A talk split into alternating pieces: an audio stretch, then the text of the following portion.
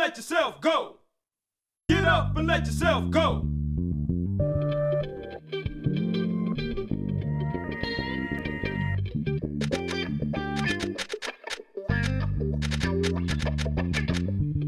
Shake it up, shake it up, shake it up. Hei og velkommen til denne podkasten fra Tro og tvil. Mitt navn er Jon Arne Carstensen. Tro og tvil er et økumenisk nettverk som starta med å ønske å stimulere til gode og sanne samtaler og refleksjoner rundt tro og tvil. Men nysgjerrige som vi er, så jafser vi jammen over en del naturvitenskap, religionshistorie, døden som tema også.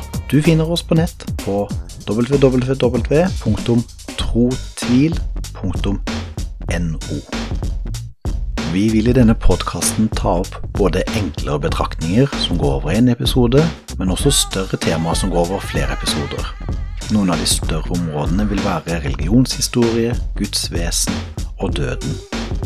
Temaet vil også påvirkes ut fra hva dere ønsker tatt opp, så skriv gjerne inn spørsmål og kommentarer til post alfakrøll trotvil.no, så svarer vi så fort vi klarer.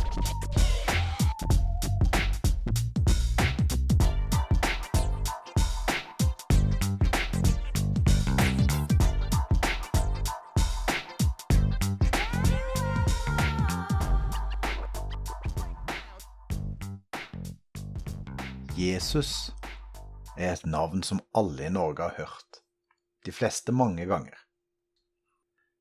Enten vi kommer fra en kristen bakgrunn eller ikke, får vi assosiasjoner med navnet Jesus. Noen av oss tenker med litt vemmelse på prektige og eller fordomsfulle kristne. Noen får kobling til en stor lengsel, noen til undring, noen til glede. Jesus er en gresk kortform for det arameiske Jehoshua, eller Joshua, og betyr Javé, frelser, altså Guds egennavn Javé. De eldste kildene vi har om Jesus, er fra apostlenes gjerninger og evangeliene. Kjente ikke-kristne vitnesbyrd om han kommer fra Flavius Josefus, som er en jødisk historiker i år 37–100. Han skrev at Jesus var en vis mann som ble korsfesta av Pontius Pilatus. Så har vi Cornelius Tacitus, som er historiker fra 55 til 115. Han skriver det samme og tidfester det til rundt år 30. Suetonius var en romisk historiker som i 120 skrev om Krestus, som lagde uroligheter og forstyrra relasjonen mellom jøder og romere under Pilatius sin tid som guvernør. Når vi går i bokhyllene og ser under alternativ litteratur, finner vi all verdens Jesusbøker. Det erklæres at han var buddhist, new ager, stamfar til de franske merovingerkongene, og ikke minst at han var et utenomjordisk vesen. Det er jo for så vidt smigrende, kanskje, at så mange vil trykke han til sitt bryst og gjøre han til sitt eget. Det viser i hvert fall hvor stor innflytelse Jesus har. Men samtidig kan alle disse alternative fortellingene være forvirrende. Sensasjonsbøker selger, men som faghistorier er de ofte mildt sagt dårlige, og de kunne således like gjerne være rubrisert som romaner. Det er påfallende hvor lik Jesus ofte blir til forfatternes egne filosofi og sinnsstemninger.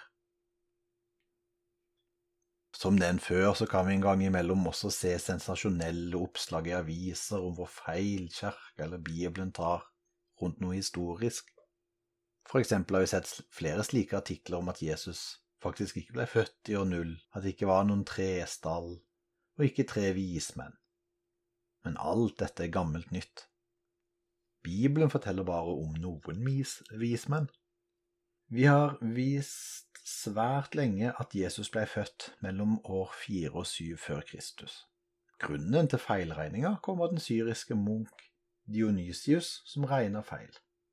Likeså det med at stallen nok mer sannsynlig var en steingrotte enn hva vi ser for oss når vi tenker på julekrybber, eller eventuelt at den var førsteetasjen i et vanlig jødisk hjem. Jesus var en jøde som levde for over 2000 år siden. Han kom fra en fattig tømmermannsfamilie. Han hadde i tillegg fire brødre og minst to søstre. Jesus ble korsfesta og døde da han var 33 år gammel. Å bli hengt opp naken på et trekors, for deretter å kveles når kroppen ikke lenger klarer å holde seg oppe, var en vanlig henrettelsesmetode i Romerriket den gangen da de hadde overherredømme i Israel. Denne metoden ble brukt i forhold til det man regna som mer alvorlige forbrytelser, og ble sett på som helt æresløs måte å dø på. Den ble først og fremst brukt på ikke-romerske borgere. Korsfestelse fungerte som en kombinasjon av gapestokk, tortur og henrettelse på én gang. Men altså, Jesus var en fattig jøde som levde i 33 år og døde som en forbryter. Det er jo nesten til å undre seg over at navnet hans fremdeles vekker så sterke assosiasjoner den dag i dag, og at vi faktisk regner vår tidsregning ut fra når han ble født. Mange mennesker velger den dag i dag at han skal være det aller viktigste i deres liv, og da må en jo nesten spørre seg litt om hvorfor. Vi vet at Jesus har levd og har påvirka mange mennesker. Men hvem var eller er han egentlig? Mange godtar at Jesus var en god mann, en dypsindig filosof eller et bra forbilde. Men var han noe mer? Han snakka med en autoritet som brøt radikalt med tradisjonene. Dere har hørt, men jeg sier dere. Han inkluderte mennesker som samfunnet ville støte ut, og var sammen med horer, tyver, fattigfolk og andre uglesette. Så ok, han var kanskje en liten rebell, da, men de finnes det jo flere av. Så hvorfor hedre fyren etter mer enn 2000 år?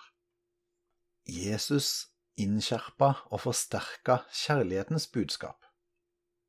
Vi vil alle gjøre godt mot våre venner, men han krevde at vi skulle også elske deres fiender og gjøre vel imot dem som hater dere. Hm, kraftig kost, altså, og noe mer enn den typiske øye-for-øye-tenkninga vi omtrent instinktivt tyr til i våre egne liv. Han satte ikke bare opp de høyeste moralkrav, men han etterlevde dem faktisk også.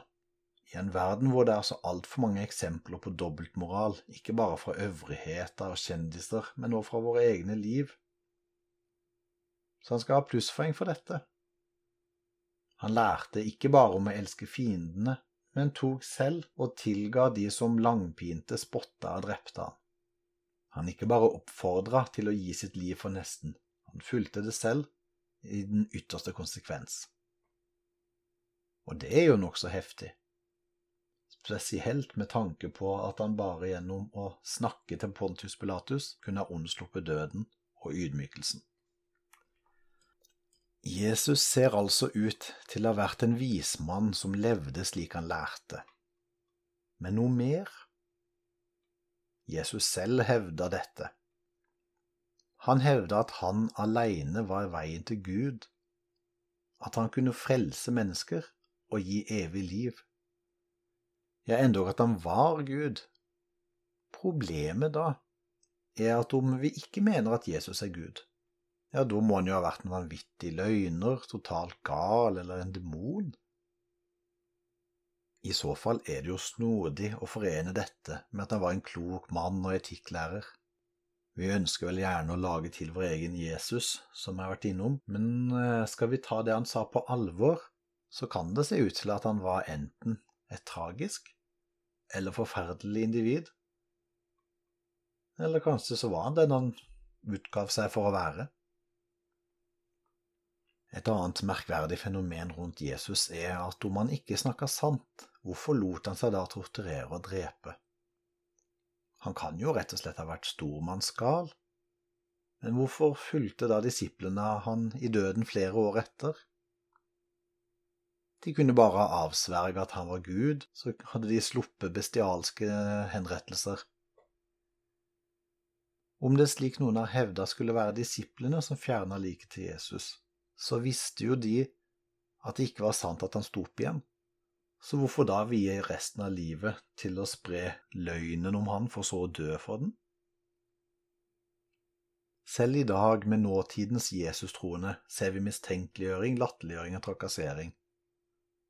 Du blir ikke populær av å bli kristen, og mange steder i verden kan du bli drept på bakgrunn av om du tror at Jesus er Gud, selv den dag i dag.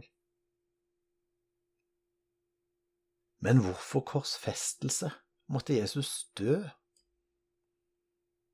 Bibelen forteller noe om at Gud er hellig,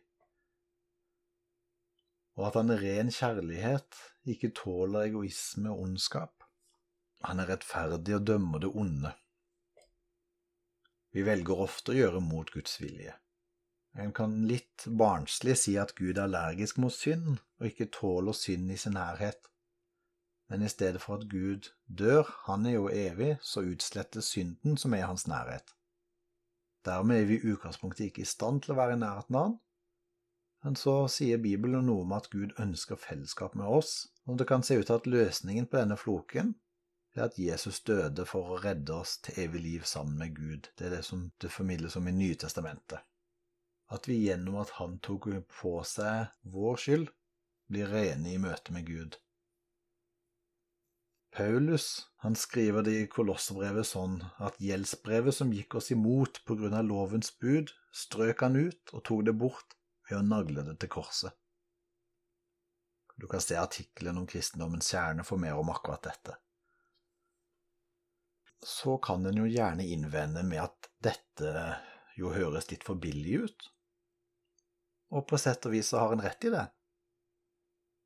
Frelsen, hevder kristendommen, at ikke bare svinebillig, men helt gratis, som en gave gitt oss uten at vi har gjort oss fortjent til den.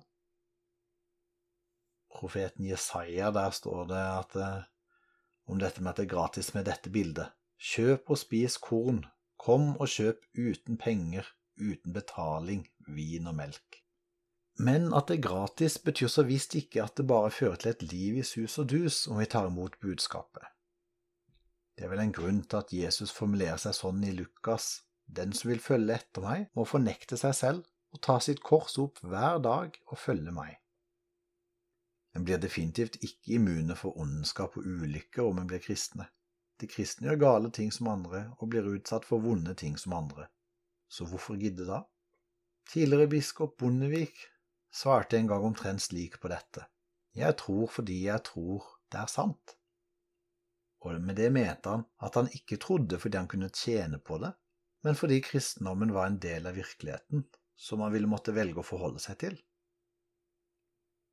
Andre troende vil her trekke fram på hvilken måte troen har gitt de ekstra styrke med å få være i en relasjon til et levende Gud, mens atter andre vil begrunne troen med tanke på det evige liv eller erfaringene med å møte Jesus det er mange stemmer og vitnesbyrd i forhold til det. Så dette tilbudet om frelse til evig liv med Gud er altså ifølge Nytestamentet og kristen tro gitt oss gratis. Videre hevder troen ikke at en må ha så og så sterk tro eller være såpass snill og from før en kan regne seg som kristen. Her er det nok en del troens menn og kvinner som har snubla iblant.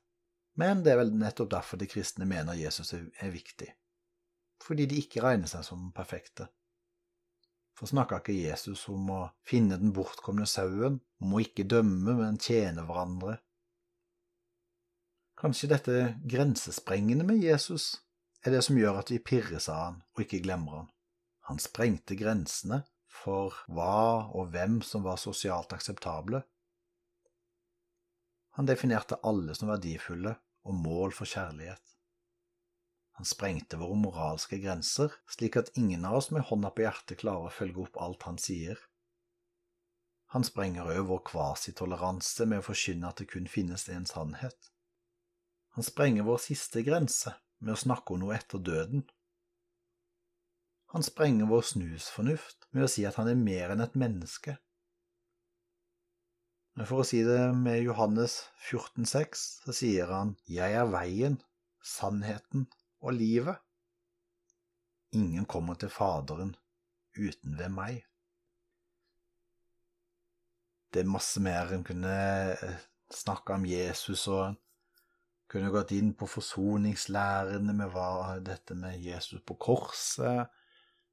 Jeg har sagt mye mer om historien, men dette her skulle bare være et litt kortere omris, så vi runder av for denne gangen.